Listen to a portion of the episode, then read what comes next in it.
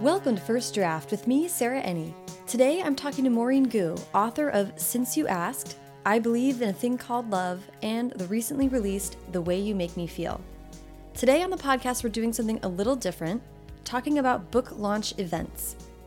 To begin the podcast today, I'll be talking to Maurene about how she plans for book launches. She's a natural planner and always has super fun events for her books.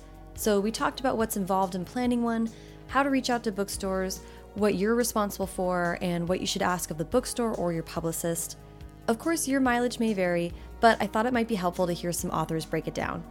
The second half of the episode will be audio from an actual live event. Maurene was kind enough to ask me to help her launch The Way You Make Me Feel at our local independent bookstore, The Ripped Bodice. So we recorded that conversation. Stick around to hear Maurene and I talk about her new book, writing hot dads, food trucks, and writing against your own high school experience. I also want to take a second at the top of the show to say if you aren't following First Draft Pod on Instagram, you might want to check it out. I'm in the middle of a massive podcast road trip, gathering dozens of new interviews for the show up and down the East Coast. Check out the Instagram to get a sneak peek on all the shows I'll be putting out for the next few months. Okay, whew, on with the show.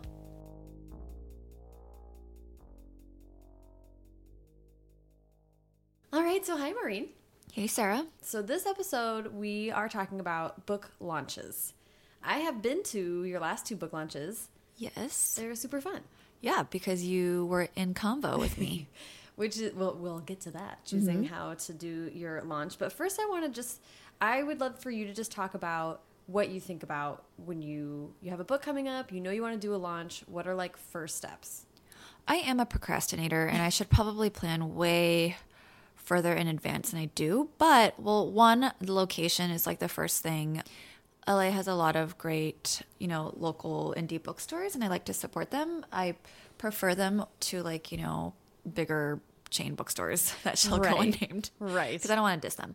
And they're fine. But for me, you know, I'm not going to have like a thousand random strangers. So it's fine to keep it cozy. Right. And I also, you know, LA specifically is huge and the location and timing is really important because of traffic. Yeah. So I consider that as well. So my first two book launches were at um, a bookstore on the east side, Vroman's, which is great, and I've been going there since I was really young. But I wanted to shake things up for the third one, and I also wanted it to be in a different part of town so that it could, you know, be more accessible for people that live on the west side. So I had it at the Ripped Bodice in Culver City. So I think about the location first, and then I talk to my publicist about it and ask for her input if she has any. And then I either she sets it up or I set it up. I'm pretty comfortable reaching out and setting it up by myself. And for anyone who hasn't done this before, like a debut author, uh, maybe like myself, when you're reaching out to a bookstore, how do you do that? Well, for Vroman's, I went there and I asked who's in charge of events. But I also had my publicist, I asked her, like, hey, do you know anyone or do you have a specific contact you'd like me to use? And so I've done both. Um, I've used a contact through my publisher and I've um, gone to the bookstore.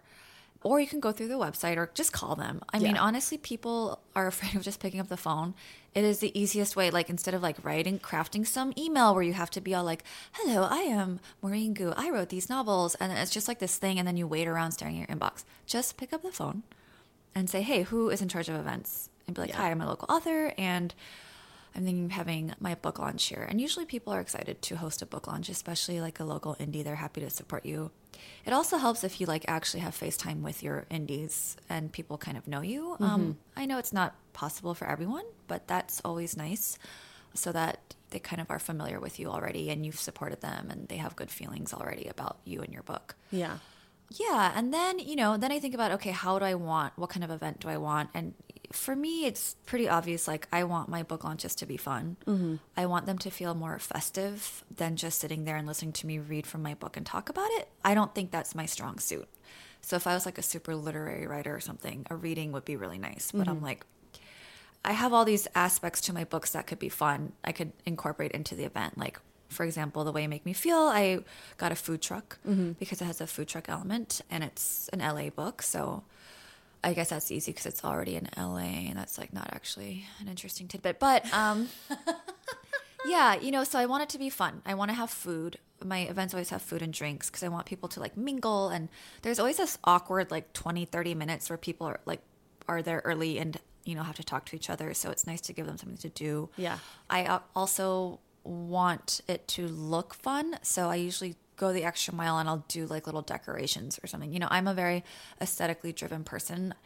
So yeah, I want it to be pretty and also to kind of like pick up elements of my book. So for my debut novel, I got like those gold balloons, the letters, and it spelled out since you asked, and I had it behind me the whole time. Which you can just get at Party City. Yeah, Party City, um, two dollars each or something. I'm also kind of I know like I go overboard with stuff too because like I like planning events. A lot of people dread it, they don't like it, and I totally get it. It's kind of stressful and just not their wheelhouse, but for me it is. So I try to take advantage of that. And then yeah, I want to know, you know, my um debut, I did it by myself. I did my own, I had like a whole spiel, like, this is how I came on my publishing journey. And I had my friends read from my book. I'm kind of like a play, and that was really fun. That's a cute idea. Yeah. But now, now I think like, okay, nobody needs to hear about my publishing journey. Like, that's been done a billion times, and I'm not a debut. So, I like to just be interviewed, and obviously you're my favorite, so I've asked you. But it's also like you know I would totally be down for like having another author. You know, like Brandy Colbert and Steph Kuehn, they've done a couple of launches. Like they did both of their launch parties together. So mm. Brandy went up to the Bay Area and Steph came down here. I think that's great way to one like take the pressure off yourself, yeah. but just also if you have an author friend that you're comfortable with, it's just fun to listen to. People like the ease of conversation and uh, more like improvisational stuff comes up, which is fun. Yeah, I feel like we get uh, our friends are very sweet and compliment us when we do the events together, but it's also like, well, it's just us talking. I know. I mean, we hang out every day almost. but also, you and I, I mean, I was fresh off my tour, and you're obviously a pro at this, so. I do think we were kind of like more professional in this this time around. Yeah, I agree. like there is a part of me that's like, oh, I'm in author mode, not like just chatty friend mode. Yes, very true, very true.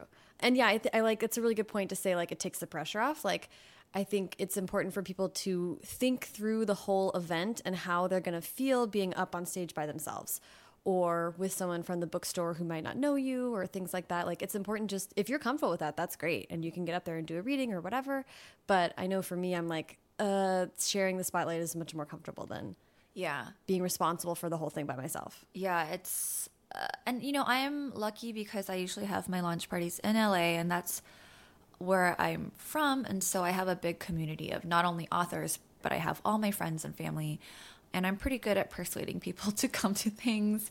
And honestly, you just cast a wide ass net. Yeah. Like, I invite everyone I know in LA. And yeah. even people I'm like, oh, they might be visiting LA or eh, they live in, you know, San Diego or something. And I'll still invite them because you never know. Um, yeah, it's always better to include people. Yeah, and it's of course it's like everyone's yeah. invited. And the other thing is like if you do public announcements on all your social media, obviously that's for your readers that don't know you on a personal level. So I do send out an invite mm-hmm. to everybody I know so that I can guarantee that they have that information and that some people are not on social media and they wouldn't find out about it. And then I definitely post it on all my social media. I in the past have done like RSVPs for my events, but now I kind of I've wanted to be more open ended so that people don't feel pressured. There's also like fatigue, right? Of now I have two books out in a row, two years in a row. So next year it's going to be like, who the hell is going to want to show up? so they're going to be like, oh my God. So you do worry about that. So you don't want to give the hard sell like every time. Right. So now I think I'm kind of like, easing off on that. Yeah. The other side of having so many great people in LA is that there's a lot of events all the time. All the time. So yeah. I think what I liked about your event was especially with like the food truck and having it at a different location that not everyone had been to the Ripped Bodice before. Right. And now that everyone's in love with it, um, as they should be. But it, it's like whatever is the draw that can make your event stand out and different and fun for the people who might be on the fence about coming. Right. And Oh, yeah. The one thing I would do in the future is be more strategic in timing about getting people to pre order from the bookstore. Ah.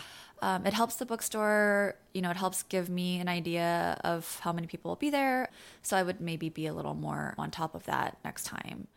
And then we talked. So I think it's interesting to think about putting on an event like uh, the Ripped Bodice. I think initially came back to us and set, and like assumed we were gonna have only thirty minutes of something, and we were like, oh no no. We talk a lot. We talk a lot. We also kind of approached it like a panel at one of the events that we go to, which I think is a useful way to think about structuring how your event is going to go. Think about who's going to introduce you. You want to make sure that you talk about what the book is about. Yes. And then you can talk about some general questions. People always like hearing about how you write or what your process is. Mm-hmm. And then take questions from the audience, but like honestly, not too many. Yeah, and also people are shy, so there's always that moment of like, who has questions, and everyone just stares at you. Don't panic in that moment. Don't panic. You can be like, okay, we'll keep talking, and then people get a little more brave or warmed up to it.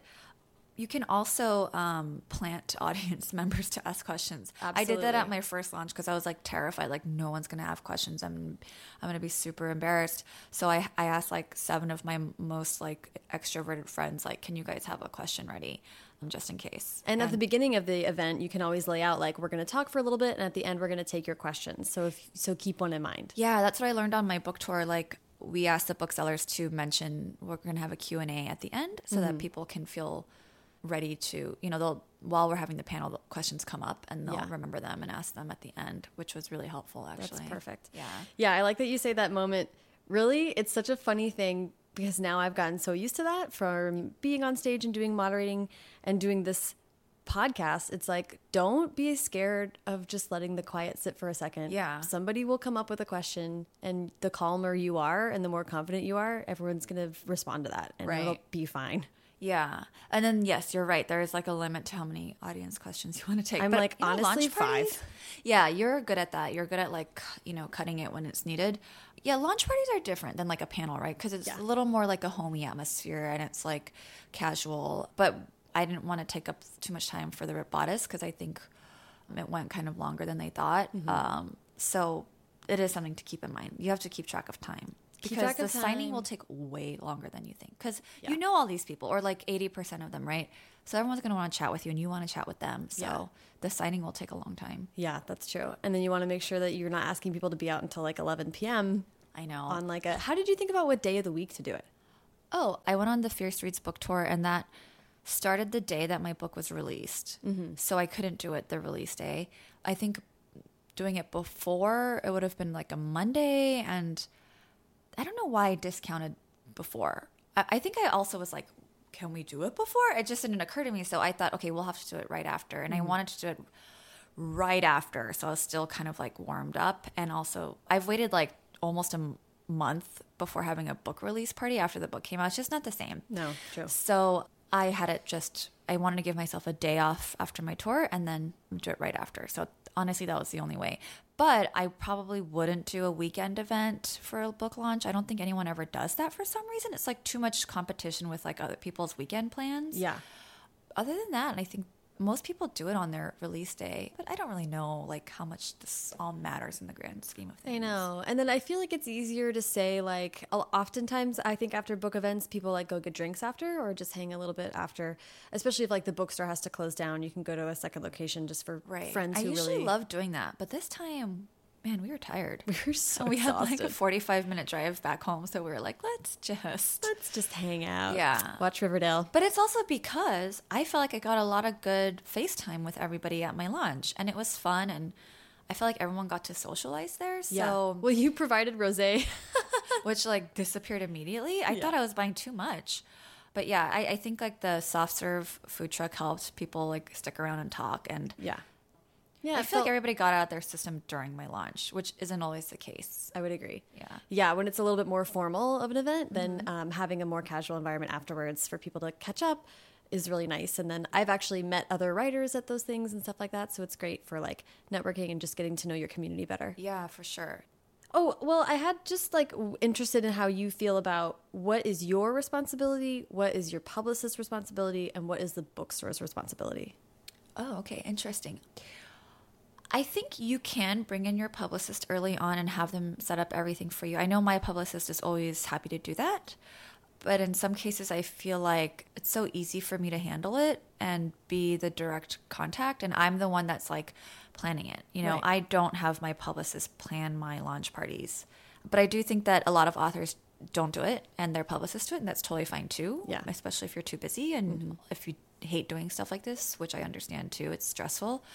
But if you don't have a publicist or if you are, you know, if your publicist isn't paying as much attention to you, Yeah. that's not how I want to say it either. If you don't have a Not all publicists are created equal. I love mine, and she's always down to help me. But I know I'm lucky. So yeah, you should not assume you're anyone's gonna plan this for you. right. You should get the ball rolling early. Think about it, and if you want help, then bring it up and ask for help. The bookstore handles all the logistics, like getting the books. Obviously, you don't have to worry about that. They usually deal with your publisher directly. Hopefully, I mean, I've heard some horror stories of the books not being there. Oh boy, yeah, Yeah, true. like- Worth checking in on. No matter how big or small the author, like things can happen. Yeah, and I was lucky. The Ripped Bodice, they like took care of. You know, they set up a pre-order link on their website with all my books. They added like a thing if people that couldn't make it wanted a personalized copy while I was there. So I signed a bunch of books from the pre-orders, and they, you know, if you have questions about the venue, so you and I wanted to record this podcast there, Right. so we just emailed them and said, hey. What's the setup going to be like? Do you guys ever use equipment for recording? and they usually tell us about parking. Mm-hmm. You know, I brought the refreshments and I told them I would, and I asked them if that was okay mm-hmm. because sometimes people don't want like food and drink, so you should ask. And I don't actually expect the bookstores to handle much. Again, it's like my event; they're the venue. Um, it's like a wedding. Yeah. they provide X, Y, and Z. You have to do everything else. And it's always a good idea just to clarify. Don't make assumptions that they handle things. Yes, Yeah, that's a big thing very important. don't assume like, oh, you guys have a cooler, right?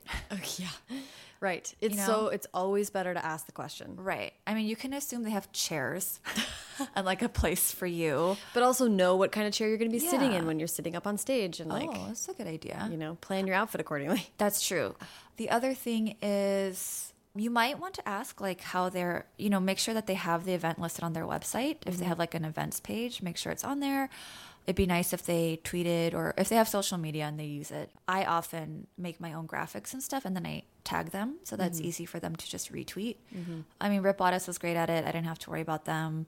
Uh, Vroman's is good at it. They put it in their like newsletters and stuff like that. So, but it's just something if you you know want to think about it you do want like their customers to come in too if Right. possible so yeah and that- always make sure to thank them and Yes. Mm-hmm. at them on all your social media like include them on all of your stuff that you're promoting it make sure you thank them. Like honestly even like a note afterwards like Yeah. send them a, a thank you note. yeah for sure. You can never go wrong with thanking people. I think you'd be surprised at how many people don't think of it. Yeah. So it's I actually, always meaningful for i them. actually have to write my thank you note. It's on my list of things to do. I promise Ripped Bodice by the time you hear this you'll have it in your hands. We're also lovingly adding them on all things with this podcast so. Yes, and they're great. You know, there's just these like awesome sisters for feminists and advocates for romance not being this dirty word and I don't know, they're great. I recommend them. so any last thoughts on book events You know, I think people get really anxious about them. It is really kind of a lot of pressure because you never know with turnout and you don't want to ask too much. You know, you don't want to bother people. But these are kind of problems that, like, you know, it's a thing that women are taught to be like, don't demand too much of your friends and family. Don't act like this is going to be the greatest thing in case you let them down. Mm-hmm. Just have to kind of own it and be like, you know what? Like, this will be fun.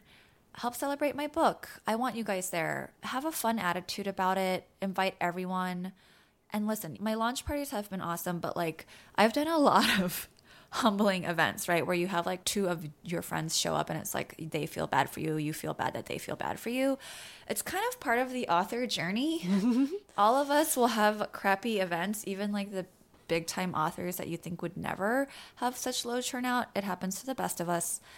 What's great about it, even a crappy event, is you get to meet the local bookstore people, have FaceTime, get to know them, and you sign stock. Mm-hmm. So you can't lose. You shouldn't ever feel discouraged by that. It's not a reflection of the quality of your book or, you know, your worth as a human being. Right. That's exactly. So, yeah. you know, there's a lot that goes into an event, and any th- one thing, you know, there could Yeah. be uh, the day of the Super Bowl or something. You know, you don't have Yeah, any you never know. control. I would also just remember leading up to it, like, just post about it a lot, remind people. Um, it, it feels spammy to you because you are doing so much promo in that moment. But uh, honestly, I've had people say like, "I didn't hear about your book event." I'm like, "How in God's name?"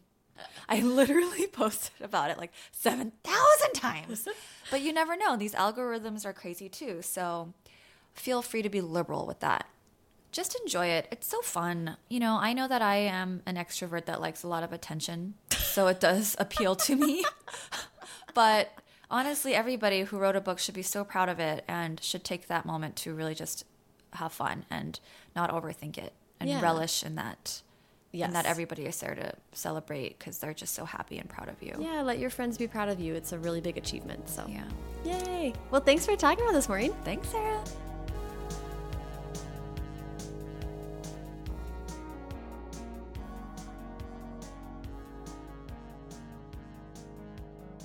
Thanks to the Ripped Bodice for having us here. This place is amazing. Um, if no one's seen the life-size stand-up of Edward Cullen in the back, Yeah, you should take a photo. definitely get back there and Near check it the out. erotica section. It's appropriate. Yeah. Well, let's start with intros. So Okay. I'm going to explain why I'm here. My name is Sarah Enni, and I'm also a young adult author, and I also run First Draft, which is a podcast where I interview young adult and middle grade authors, including Maurene, a couple times. Yeah. And, um, and Maurene Goo, do you want to introduce yourself? Yes, I will, Sarah Enni. um, I'm Maurene, the author of The Way You Make Me Feel, which came out last week. I am very excited to talk about this book and to celebrate with you guys. It is the end of a long promo week, month, year. So we're getting Maurene unplugged. so what's happening is, so Sarah, I have been interviewed on this podcast too many times, and so we thought, okay, we have to be creative, and so Sarah's actually recording this whole interview for the podcast. So, um, So everyone be on your best laugh behavior. heartily at every one of our jokes. We're really vain, and we want to uh, and look beautiful. It's an audio format, but that matters. Yeah, Um, so thank you. yeah I'm That was- Sarah drive. that was um, quite an introduction of yourself. So Maurene Goo is a writer of young adult contemporary stories that have romance in them, which is why the Bodice is such a great place to Yeah, this celebrate is the this best book. bookstore, by the way. And you guys, if you haven't been here before, you should explore. Yes, absolutely. And we're going to get to recommendations later, which is very important. Um, but first, let's start by talking about the way you make me feel. Do you want to just explain this book a little bit? Tell us a little bit about it. Yes, I am on autopilot for this. um, the Way You Make Me Feel is a book about a girl named Clara. She's kind of this irreverent prankster who um, pulls one prank too many and gets in trouble. And as punishment, she has to run her dad's food truck over the summer with her nemesis, Rose Carver. And it follows them as she grows over the course of one summer and learns how to feel all the feels. And in the process, she meets a cute boy named Hamlet. She's got a hot dad, I've heard. Everybody has a hot dad. Adrian. And there's a lot of food talk. And it's also my ode to LA. It takes place in LA. Yeah, so we're going to get to all those elements. But first, I want to ask about in your previous book, I Believe in a Thing Called Love, you talked about that main character, Desi, and how she was really different from you. Um, which I thought was so interesting. She was very like making writing lists. She was very in, in control, and Clara couldn't be more different than that. Do you want to talk about writing a different character? Yeah, um, so I, Desi was like a type A. that is my boxing coach, Mo. um, okay, I digress. Oh, okay, so Desi, yeah, Desi was very type A, very driven. Um, I was, I have some high school friends here. I was not like that. Um, I was like a good student, but I didn't like go above and beyond. Um, and Clara is the opposite. She's like a total slacker slash prankster slash just she thinks she's really cool.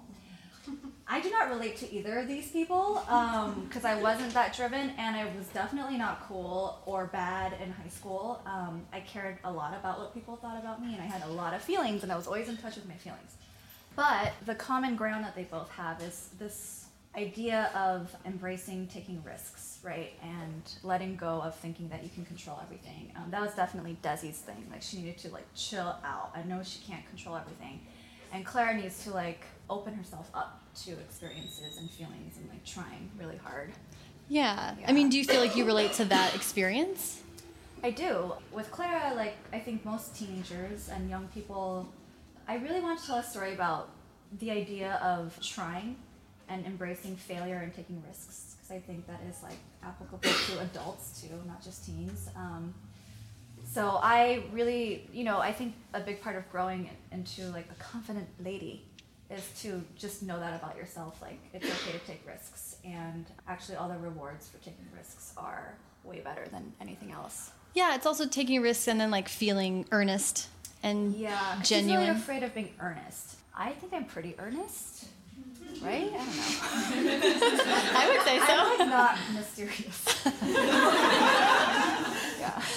But I feel like that was an experience I related to from, and I think I was in 10th grade when I finally was like, I like NSYNC. it's just, I never hid my love of NSYNC. Oh, I And was like- 17. People were always like, "Oh, I was like sixth grade." I'm like, "Excuse me." I was, I was like a lady when I was obsessed. This is a grown woman. um, do you feel like it's interesting to hear you talk about how, how you were in high school? Do you think that any part of channeling these characters is like living through that in a different way? Or we have a lot of friends now, I have a lot of friends, I'll speak for myself, who I wouldn't have been friends with in high school because it's like you're just, you become a different person. Right. Like you're too cool for them now. Oh, like for sure, too cool for them now. Um, yeah, I actually feel pretty removed from high school now, and I I've been asked a lot like, why do you write YA? Like, why did you choose YA? And it used to be like I've never left that emotional space of a teenager, but I actually can proudly say I think I've left that teenager headspace, but I can always remember like being insecure and scared and frustrated when you're a teenager. So I can always plug into those feelings again. But yeah, writing high school, it requires, I don't know, I think my writing voice naturally lends itself to YA. That's one thing. So that is why I write YA. Yeah. But also, like, teenagers are just more fun. Every time I'm watching a movie or something and then teenagers come into the scene, I'm like instantly way more engaged. Um, like, what's that um, TV show, Glow? You know, so good. But once that like teenage girl had that like pizza boy romance, that's when I was like, oh, I'm really paying attention to this now. And I'm like, oh, it's because I'm a YA author and like YA romance and all those like um, excited feelings still speak to me. Um, I don't know. I'm Well, like- there's an I'm, like, rambling. What did it? What was There's the an earnestness to that. There's a non-jadedness to your crush on Pizza Boy or whatever it is. Yeah, I just I don't know. I feel like I was an embarrassing teenager and I didn't really uh, censor myself, and it really it benefits me now as a YA author. I have a lot of stories based on like reality. I wasn't like guarded, and I wasn't um, I wasn't like shy. So I think that made me have some interesting experiences. Well, we won't dive too much into that uh, in front of all these people, but um, I, that does lead me to my next question, which is about writing about friendship and a young woman in Los Angeles. So this is your big LA book and full of LA feels, and Clara and Rose sort of grow to li- love each other over the summer, and they like have a friendship that develops. And I think you did a great job of taking places in Los Angeles and using setting to really like evoke feelings and reflect what's happening with them. How did you think about that? Yeah, I know LA so well. I was born and raised here. I love it so much. Um, and I knew that if I put it in my book as a setting, it would be a character because that's the only way I could do it justice. Like, I wouldn't have a book just take place in LA and it'd be like this generic LA that doesn't exist, but is like in all the movies and TV shows that you see. I want it to be specific. And I want it to be specific to my LA, which is, I mean, no offense to Culver City, but it's the east side, the best side. Um, actually, the store needs to be like the store needs to be on the east side. We need a Yeah. we need a wing of it Yeah, over yeah. there. Um, and so, because I know it so well, I also knew like the moods and like if I want certain things to happen, I knew the perfect place for it. So there's like this scene where Clara's being super dramatic, and she kind of hits a low point, and I wanted it to be at the La Brea Tar Pits. I don't know why, because the last time I went there it was just like this dark, cool, weird place. Um, I also knew like the ending when all the wonderful things happen would be at Griffith Park, my favorite place in LA, the view of the whole city because she has this like moment of realizing what she loves about LA and what it means about her. And I, I wanted them to, you know, use the food truck to traverse the city so that I could actually explore different parts of the city. And yeah, it just um, it was very cinematic in my head. because I know, and LA is so cinematic, right? Because we all know it from movies. So it was pretty easy for me to figure out which spots I wanted to choose for which parts of the book. Yeah. Well, let's talk about the food truck too. How did you how did you think about what made you think about putting a food truck in the book and then how did you think about what kind of food and what research did you do? Right. I knew I wanted a summer job book. I was like, I love summer job books growing up. And I wanted um, an LA book. And I wanted an enemies to friends book. So I was, the food truck was just so perfect. A perfect vehicle. um, because, um, God, everybody loves puns? okay. Um, my biggest laugh, a pun. um, because, okay, so then they have a job, right? And then they're stuck in this tiny hot truck together. I, I wanted to emphasize throughout this book how freaking hot it was all the time because LA is the worst in the summer. And so the, um, the food trucks I visited, they don't have AC. So just appreciate that next time you visit a food truck. They're just like dying in there. The flavor of sweat. I know.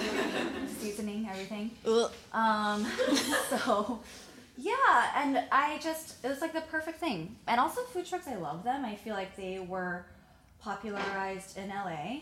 I will fully, I don't, someone's like, um, excuse me, and actually I'd be like, no, it's from LA. because Kogi started the food truck phase, and that was Roy Choi. So it just felt very LA to me. Yeah. To use a food truck. Well, speaking of Roy Choi, let's talk Yeah. about the dad in this book. Yes. Who is he based on? He's not based on. Okay, I feel like it's dangerous. Obviously, I was inspired by Roy Choi. So Adrian is Korean, but he was uh, raised in Brazil, and he had a daughter, Clara, when he was like 18. So it's kind of this unconventional Korean American family story. You don't really hear about like teenage parents, um, single dads. They never got married, him and the mom, and they're separated. So, and he does most of the child rearing, and he is I mean, I deliberately made him hot. he's like only a few years younger than me. First of all, he's younger than me. I was like, ugh. But he, but he had to be young. He had to be 18. And I also knew it was like thirst trap. Because a lot of authors are not teenagers, Yeah, right? Most like- people that buy yeah, YA books like are not teenagers. age. So I knew what I was doing. Yeah. You're hitting like, all the give a little demos. Something for everyone. There's Hamlet, the hot 16 year old, and then like Adrian. This is uh, Maurene's totally naked bid to have John Cho involved Oh yeah, in I, Joshua, I'm putting it out there. It's You like the have to play secret. Adrian, um, make it happen. Yeah. Um, but this is the second book where you featured a single dad raising a daughter. What do you think it is about that dynamic that's so interesting to you? I didn't even mean for this book to be like another father-daughter book because I kind of felt like I did that with I Believe in a Thing Called Love. And I was like, I don't want like dads to be like my brand. Um, but Hashtag dad somehow, brand. somehow that happened. Lean Um, in. I know. Well, the thing is, I wrote like a draft. I wrote like an outline and a summary for this book, and my editor was like, "I want to focus on the dad." I was like, "Oh God." like the dad again, but then I realized a lot like I believe in a thing called love. It ended up being a lot of the heart of the book because it's about like the sacrifices of the single dad and what they do um, for their kid. And I do find writing dads to be more a little more natural for me because I think a mother daughter relationship is so complicated, especially for teenage girls. So that book, if I did like a complicated mother daughter book, it would be like a way more emotional journey for me. Um, whereas the dad stuff, like I think, not that it's a safe spot, but like I get it. I understand like the sweetness of that. Also, I watch a lot of K dramas, and they do have a lot of cute father daughter relationships that I've been inspired by. Um, I don't know. It just so happened that this was another dad book. It wasn't part of the plan. And then I, I realized, oh, he's really likable. Um, they have a cute relationship, and it's actually going to be a big part of her growth throughout the book. Yeah, I mean, it's also nice that your books are a lot about family. I mean, in this book, it's about her family, it's about her friendships, and it's about her romantic, opening up to sort of the possibility of romance. So it's hitting all those demos. Yes. John Cho, get on it. um, also, can we talk about your dad really quick? Because he's Yes. doing something very cool right now. Oh, my dad? Oh, Yes. he's in Russia. Yes. On the Trans Siberian Railroad. It's like his lifelong dream. So, um, That's random. so random. Yeah, he took my mom, and they are my sister's here. Are they in Russia right now? They are, but I don't. Yeah, they have bad internet don't know any service. Yeah, they visited a lake. They made all these like. They're like, what if we just befriended a Thai billionaire that also wrote a novel? And my mom sent it to me, and I was like, oh my god. I just love that. And then you had a picture of them at the airport Yeah. taking off. I was like, I only drive to LAX. Like, I will not pick up or take people there anymore because of Lyft. But I kind of felt bad when my parents asked me this, and I was like, fine. Long trip, and I was like, if something happens to them, I'm gonna be like Jem, like regretting. Do you guys remember Jem's backstory? her biggest regret was that her mom, Um, her mom died on that that the Hindenburg. Do you remember that one? hold the phone. storyline. This is Jem and the hologram. Yes, Jem and the hologram. and that is like her big regret.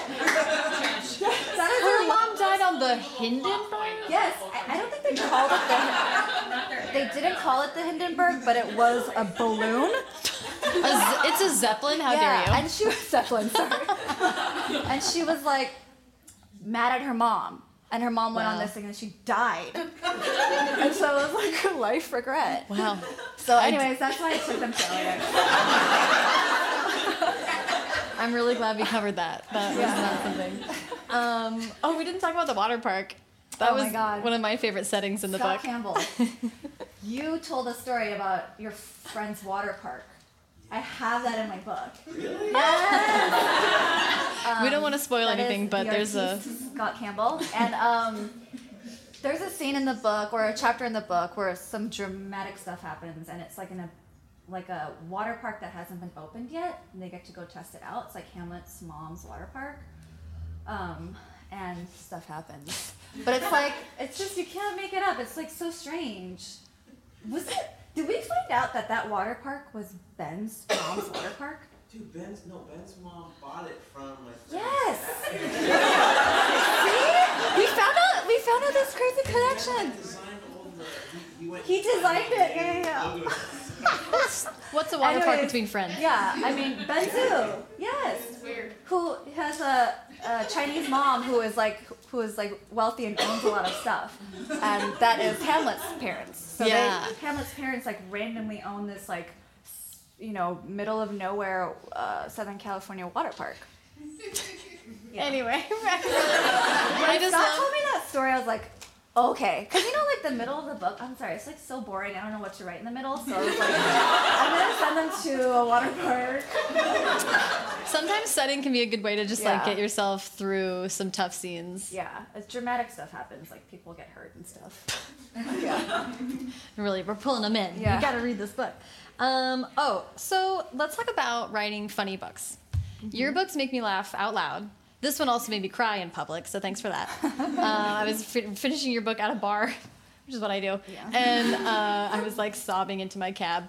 Um, but your, how do you think about writing humor, or do you think about it? And then also, how do you keep humor in your book when you have to reread it and edit it so many times? Um, lucky, luckily, I think I'm really funny. so I don't get sick of my own jokes. I think that really is the key. Um, you have to be confident that you are.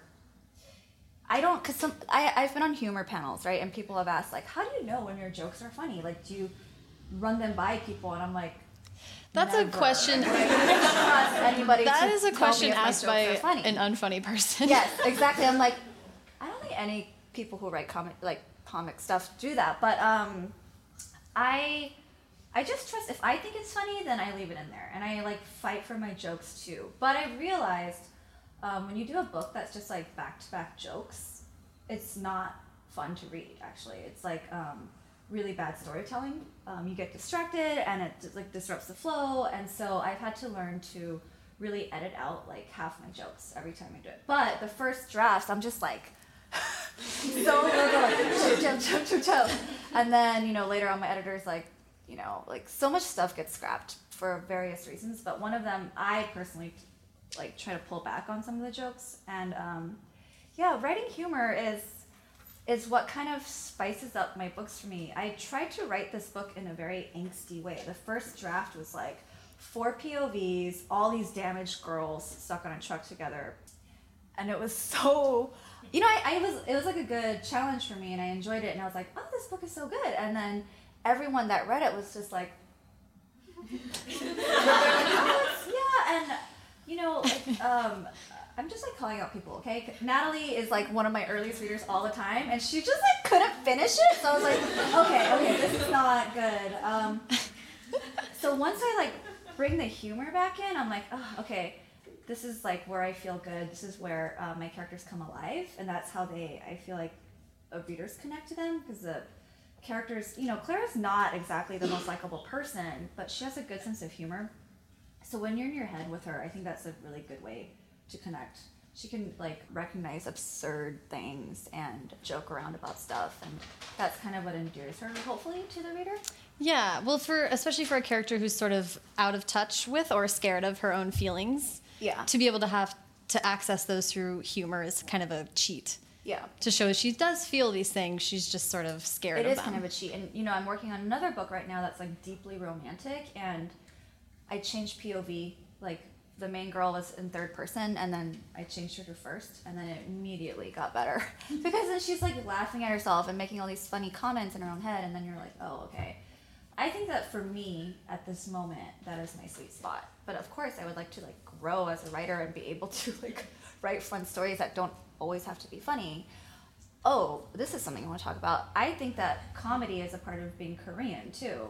Korean people, they're like, so if you watch K dramas, they're super melodramatic, but there's always humor. Like, even in the most serious drama, there's humor. I also think Koreans, like, if you get too big for your britches and think, like, oh, my life is so bad, or I'm so fancy, your family or somebody in Korea will just like bring you down a notch. You know, they'll just be like, oh, cool, but your features are too close together on your face. and you're like, ah! Um, they're really brutal and they're just like a, I think they like have a, just like a good sense of humor in the culture. So I do think that affects my writing, actually, Totally. and my sensibilities. Well, it's funny to hear you say that you want to grow as a writer. I don't think growing as a writer would preclude humor.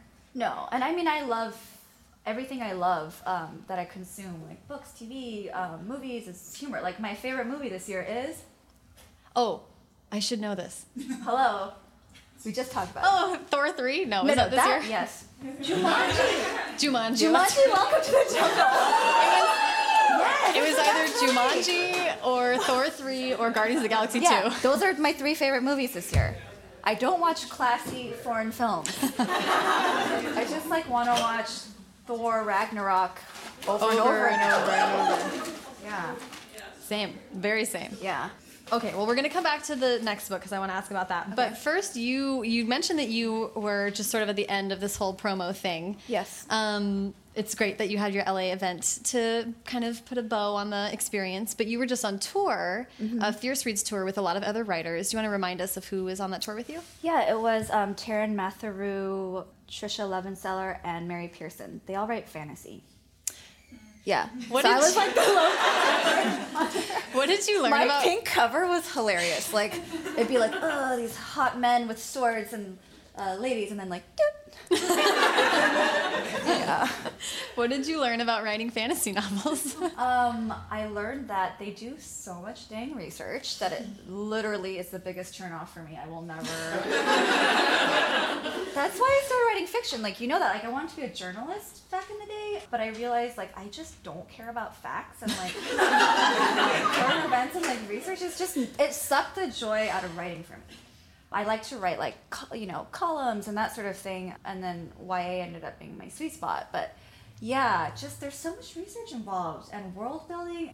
I really admire it, and I love reading fantasy. But like the idea of it is like gives me like a migraine just thinking about it. You know? you had a, an idea, a story idea once that was like supernatural, not Yes. paranormal. Yeah, it would be Right? paranormal-ish. Yeah. Yeah. It involved ghosts. Oh, that's right. Yeah. Yeah. I think maybe one day I could write like a contemporary book with like supernatural elements because I love things like Buffy and you know a lot of YA authors are inspired by Buffy. Um, but I don't know like world like and I'll also like to be honest I am not that big of a nerd. Like, I just, I just wouldn't know how to. I, I think it's disrespectful for me to pretend like I could write a fantasy because I can't. Like, I just, I've, n- I, I'm not steeped. Like the, like the most fantasy thing I've read is like Game of Thrones. You know what I mean? That's like basic fantasy. I think It's you're. like, I think you're a nerd. No.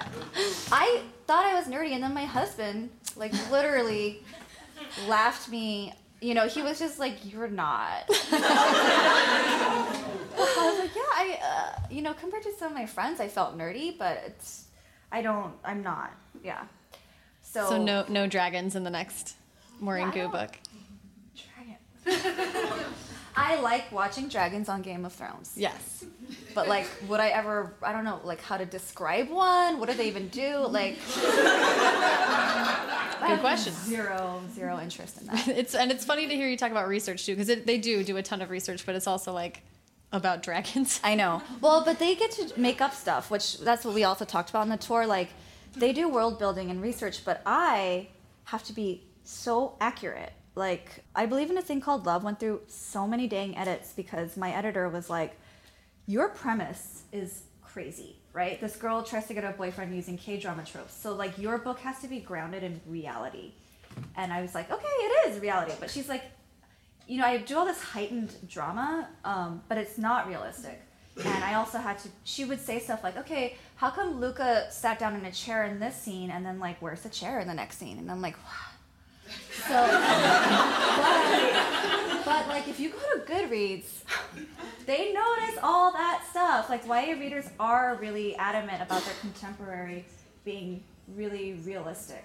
And also, if I'm writing about LA, like, I want to make sure, like, all the LA things are correct. So I'd be like, they would never on a Tuesday evening go from Silver Lake to Culver City There was a day. and, and get, there, get there before sunset. You know, I was like pretty like strict about like getting that those details right. So I do think that when you write contemporary, you actually do a lot of.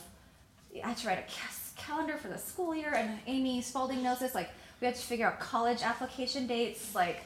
Uh, like when does RISD give out those notices and Stanford's interviews? Like such a boring nightmare, but um, you have to get it right.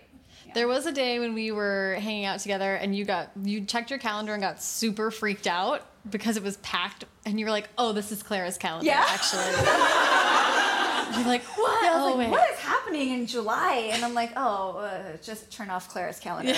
Yeah, I, I use like my Google calendars to do the calendars. Um, for Which is books. smart. Yeah. Yeah. But my next book is only one day.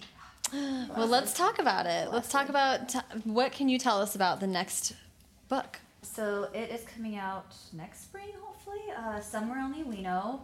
And it is about a K pop star who. Um, who falls for this guy while she's in Hong Kong on her tour, and it's about the one day that will change both of their lives forever. And it's um, inspired by uh, Roman Holiday, one of my favorite movies. So, yeah, it's my K-pop YA Roman Holiday. It yeah. sounds pretty good. So we have to wait until spring for that. Yeah, I'm writing it right now though. Okay, that's good. So I wanted to, while we're in the Ripped Bodice, I wanted to ask about books that you're reading. What have you been reading lately? And then I really want to get into what romance you'd recommend for people. Yeah, I'm actually reading a lot of romance right now because my life is a. I had to move to China, you know, um, for my husband's job, and um, just a lot of has been going on. So like, uh, romance novels are like my comfort food. You know who introduced me to romance novels is my friend Lori Beth over there. Um, he used to read like those really problematic ones by like Judith McNaught and stuff. But um, I still love them, and when I'm in China, like I have my Kindle, so I just download them. And I, I'm also insomniac, so if I can't sleep, I need to read, and I don't want to read anything that is gonna disturb me. So I just like, it's like, oh, I finished this series of the Hathaway sisters, so doot, next. Yeah. so yeah, I've been reading a ton of Lisa Kleypas or Kleypas. Oh, so good. Ah, the best. I've been reading all of her historical historical ones. You guys just read it if you like anything that's wonderful and romantic. Super hot dudes, uh, historical British people. Um, really good. I know, right? I'm in. But I'm also reading a lot of YA, as I've been blurbing books and uh, that sort of thing. So um, Kayla Cagan's book is coming out. Yay! Um, Art Love. It is um, her follow up to Piper Perish. You follow Piper to art school in New York, or in the summer before art school. And I started a Song of the Current recently, which is a fantasy. And God, I'm sorry. There's oh my God, Sadie by Courtney Summers. It's gonna melt your faces off when you guys read it. Um, it is coming out in September Yeah. and it's about a girl whose little sister is murdered, and so she goes off. It's, she runs away from home to kill him. You know, she starts the book like, "I'm gonna kill a man." Yeah. Um, it's really and- about a podcast, though. Yeah, well, there's a, there's a podcast that's like Serial that is that discovers she's missing and finds out about this murder, and they try to follow. They try to find her. So like they're like one step behind her each way, and so it's really good. It's like Oh. a thriller, but it's beautiful. This is what we didn't talk about, though. You're writing two, dual point of view. Oh yeah, Because Sadie's in two points of view. Mm-hmm. Yes. How are you liking that experience? I don't like making distinct voices. Oh, that's yeah. difficult. So that's why I try to cheat and I try to do the girl in third person and the boy in first person. And I was like, oh, I don't have to do two voices then. Because a big like um, critique people get when they do two POVs is like the voices are too similar. So I was like, I, I already know I have literally one voice. Um, so I tried to cheat, but then I realized, oh, I think it's better. And my editor told me it's better if I do two um, first person POV. Um, it is hard, but I kind of figured out like a little trick, which is I, I mean, without I don't know, it's a secret. Who cares, right? Like the girl is more rambling and more like in her own head and thinking out loud all the time, and the guy is way more like succinct. He talks in choppier sentences. So that's like one little trick I did. It's like a very superficial trick. Really, I should know the characters so well that I don't have to do these tricks. But it's my first draft, so I'm just getting to know them. Yeah. I like writing in, from a boy's POV though. That's interesting and new. So uh, Nicola wrote a wonderful. Oh, is she here? Oh, okay. Oh. Um, she wrote a great. The sun is also a star. I read that for inspiration. She has two POVs too. Robin Benway wrote. Robin Benway wrote From a male point of four PO, three POVs. Yeah, yeah. I read a lot of your guys' books. so I was like, how do you do this? Writing from a boy's POV, I realize is like I have to make him super horny. um, I read like have you guys read Nick and Nora's?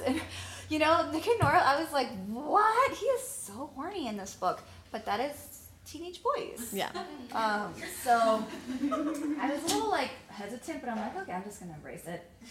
Um, yeah, It's a, your first like straight romance. yeah, my story. first straight romance. Like people often call my books rom coms, and I'm like, eh, are they though?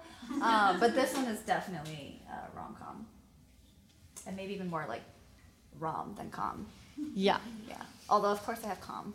Little this, little that. Yes, it has to have com. Um, well, was there any other books you wanted to recommend? That I have read. Oh, hmm, I wonder what what book. I was not trying to plant that. Okay, Sarah is coming out with her debut novel next year. I just read it. Um, it's called uh, Tell Me Everything. I effing love that book so much. Um. It's so funny and warm. It's about a girl who. What's your pitch? It's like Amelie meets. Ooh, I don't know. You do it. You have like it's called Amelie meets. If Amelie had Instagram. Oh yeah, if Amelie had Instagram. So it's about a girl who um, is obsessed with this app, um, this like fictional app she created, and um, she tries to do good deeds by spying on people through. It's like trying to figure out who. They it's like an anonymous posting app. Anyway, she tries to do good deeds like Amelie style, and um, you can imagine. It all happen. goes to hell, guys. Yeah, it's like a, it doesn't go it's a well. great high school book. It's so cute. It's, I get to reveal the cover next week, so that'll be exciting. it's so pretty. It's really pretty. yeah. Um, well, well, thank you. I wasn't trying to lean into that, but I'll take it. Um, well, that was all I had, unless you wanted to talk about Chris Evans' beard. Uh, so good. We could be here for another half an hour. I'm hour. not usually a fan of beards. It's like the first beard I enjoyed. Ev- Everyone's got Yeah. there first. Yeah. Okay. do you guys have questions? Do Oh yeah, that? let's, that's what we're missing. Audience questions. Yes, um, we would love to hear from you guys. If anyone has a question for Maurene about Chris Evans' beard exclusively. People are shy. I know. I usually have a ba- oh Katie, Hi. always Yes, always Katie. shy. Uh, I love Also your books, but I'm going to ask you a question about Chris's. Oh yeah. W- Would you rather Okay. Chris Evans, Uh-huh. Chris Pratt, Chris Hemsworth, Hmm. Chris Pine? Or Chris Abelhans. That's my husband. Um, do I have to include my husband? Of course No, no, gonna no. him. Okay. Uh, it's like I feel kind of like basic, but I love Chris Evans. That's not basic. And I only like Chris Hemsworth with the short hair and uh, eye patch and Thor. Thor. Thor 3 was a real Chris turning Pratt point for is you. Just like ugh. Really? He cannot hold a movie on his own. I love him in Parks and Rec, but he's just like totally overshadowed. Like in, I mean, Infinity War. It's like who cares? yeah. I got in trouble talking about Infinity War recently. I spoil it for people, so I Oh, can't. okay, yeah, let's I can't say anything. But like, what? It's already been out for a while. Oh, well, I, that's what I said. But Anybody else? other questions? Kayla. Um, can you talk about your titles because they're often song-related titles? Where's Morgan really like Matson? that, so does a song inspire you, or like do you listen to it continuously while you write, or? For I believe in a thing called love. I had all these titles. It was a real um, battle to figure out that title. Um, hmm. I don't know who. That was a throwback. I like That's that. amazing. um, uh, yeah, it was a battle, and I knew I wanted it to be about her, her kind of like willful belief in her being able to find love and a boyfriend. So that's one of my favorite songs of all time. Um, so yes, for that book, I listened to it constantly, and then it was such a motivator, and it felt it had the spirit of my book for sure, like just joyful. Then when this book came around, I was all you know stuck again on book titles. Um, Morgan really helped me. Like Morgan. Matson. We had a lot of food puns going around. oh my god. Your puns are winners. We learned that today. To Love and Pie in LA. That was one. I like that one. Yeah, but then I was like, you know what would make this easier if I just like did another song title to match? Because there's this thing of like trying to brand yourself when you're a YA author, right? And like I want the the titles to feel related. So I thought, okay, the easiest way to do that is just to do another song. And I also like the idea of like these kind of longer song titles. It just gives it a real specific quality. This one, I mean, I love this song, but I don't think it really feels like my book, to be honest. The song Um, itself. except that it, there's like a summary feel to it. Yeah. yeah. But yeah, I feel like I'm kind of stuck now. The next book is Somewhere Only We Know. And that one was re- really easy. Like, I, I was like, oh, I instantly knew what that book title was going to be. yeah, I love that song too. Yeah. That fits great. It's a good one. So if anyone has uh, pop rock songs from the last 30 years to suggest for Maurene's future catalog, Yeah. she's taking suggestions. I do actually, when I listen um, to music and I see a good title, I like save it. Yeah. That's smart. Awesome. Great question. Anyone else have a? Yeah, Carrie. Can you talk a little bit about the dynamics between all the different kinds of friendships in your books? And, you know, Yeah. do you draw that from your own, from like what you, um, you know, your own experience in high school or your own experiences now? Or Yeah, I'm really drawn to friendships more than anything else. Since you asked had no romance in it, like she had a crush on someone. Um, and I believe in a thing called love. When I first uh, wrote the outline, I was like, and then she realizes that boys aren't important and she just wants to go to Stanford. and my, my husband was like, uh, do you watch K dramas? It like has to be a love story. So he it has to be a love story because I am not naturally drawn to writing romance myself. I love reading it and watching it and consuming it, but like um, I'm drawn to friendship stories because my high school experience was just like my friends. I didn't get along with my parents for a big chunk of high school, and like I clearly did not have a boyfriend. I was like, boys. I mean, it was just not a part of my life. so it was just like my friends were kind of like everything. So I really understand teenage friendships really well, like and what they mean for them. And so I am drawn to that always. And I also just love writing like banter. You know, like I wish I could just write a book of banter only and no plot. As a lot of contemporary YA authors like we all kind of feel this way. It's So- called a, it's called a sitcom. Yeah. It's a different medium. Yeah, it's called New Girl. Um, but yeah, I just that's just what I like to write, and I um, really enjoy it. So friendships always take a big part. So then my next book, it's like there are no other characters really that are important, and um, it's just between these two. So it's going to be like a challenge. Well, what about you? they still have like the rom com banter though, you know, when they're like jerks to each other. Well, you said that you knew you wanted to write of um, enemies to friends. Yes. Story with Clara and Rose. Why would you? Why were you so drawn to that arc? I just thought it'd be fun just to see what a you know how a friendship is actually created like what brings people together. I also just had so much fun. Like i didn't know if they would hate each other but when i started writing it i'm like oh it's so fun that these two like don't get along. I have like fights between them in the truck that were so fun to write and they have a huge fight at prom which is what gets them into trouble and it's like ridiculous. Um, like a physical fight. So um, it's really hard to write action, by the way. Yeah. I'm like, and then my left arm went up and hit her face kind of hard. Um, you know, that's actually really hard to write. But Yeah. I thought it would be, their personalities would obviously clash. Um, and actually, I had people tell me they shipped Rose and Clara. I can see that. And it's true. As I was writing their hate to love, it was like following the beats of a rom com.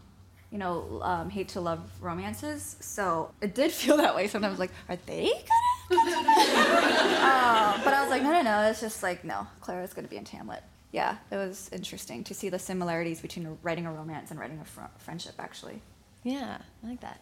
Another question? Yeah, go for it. Would you write a Rose book? Because I loved Rose I loved, I would want to see like No, what she I mean I would love to.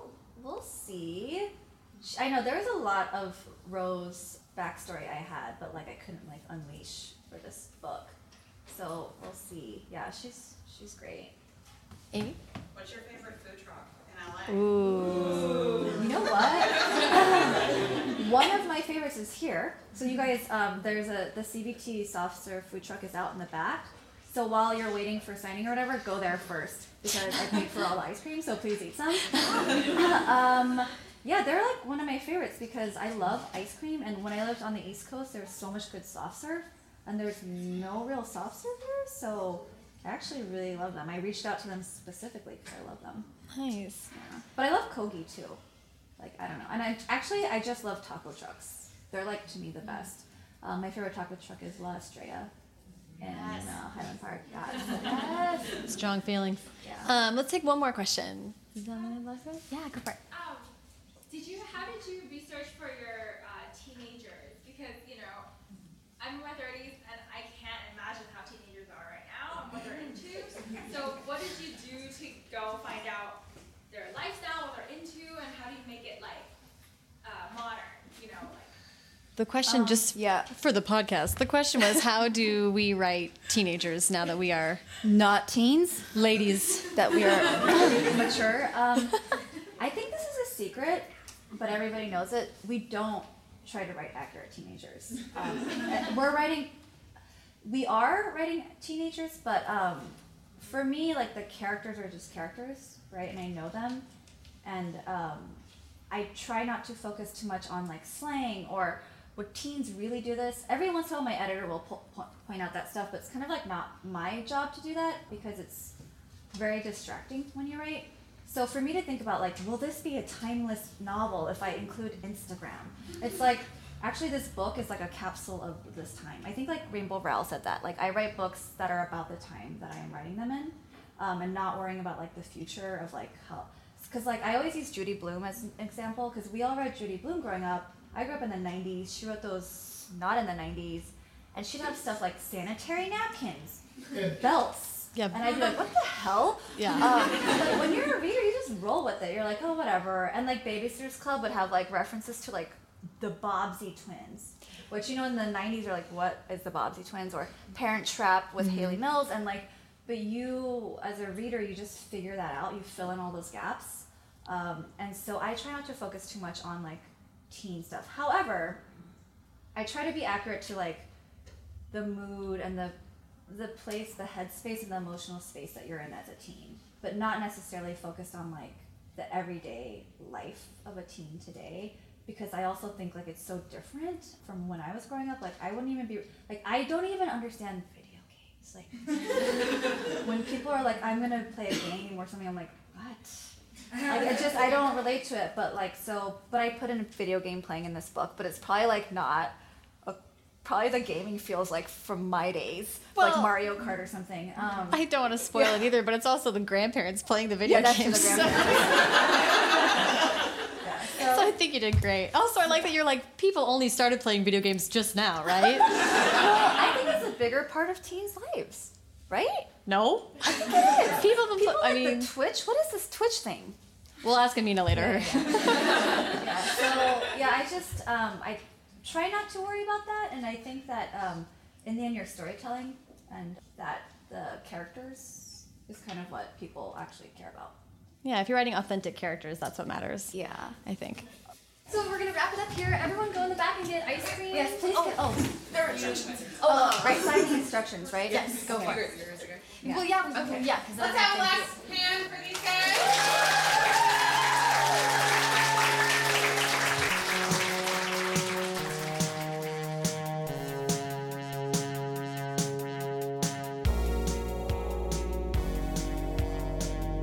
Thank you so much to Maurene and the Ripped Bodice.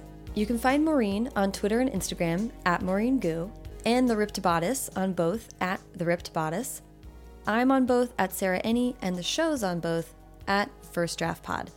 Once again, a reminder to check out First Draft Pod, especially on Instagram, to get insight into all the authors I'm talking to during my road trip. And it's just a little way to time travel to the future to see who you're going to hear over the next few months. You can do the podcast a solid by subscribing to it wherever you listen to podcasts. And why not give the show five stars on iTunes? You'll live longer. Haley Hirschman produced this episode. The theme music is by Hash Brown, and the logo was designed by Colin Keith. Thanks to super intern Carter Elwood and transcriptionist at large Julie Anderson. And, as ever, thanks to you, Chris Evans' beard, for listening.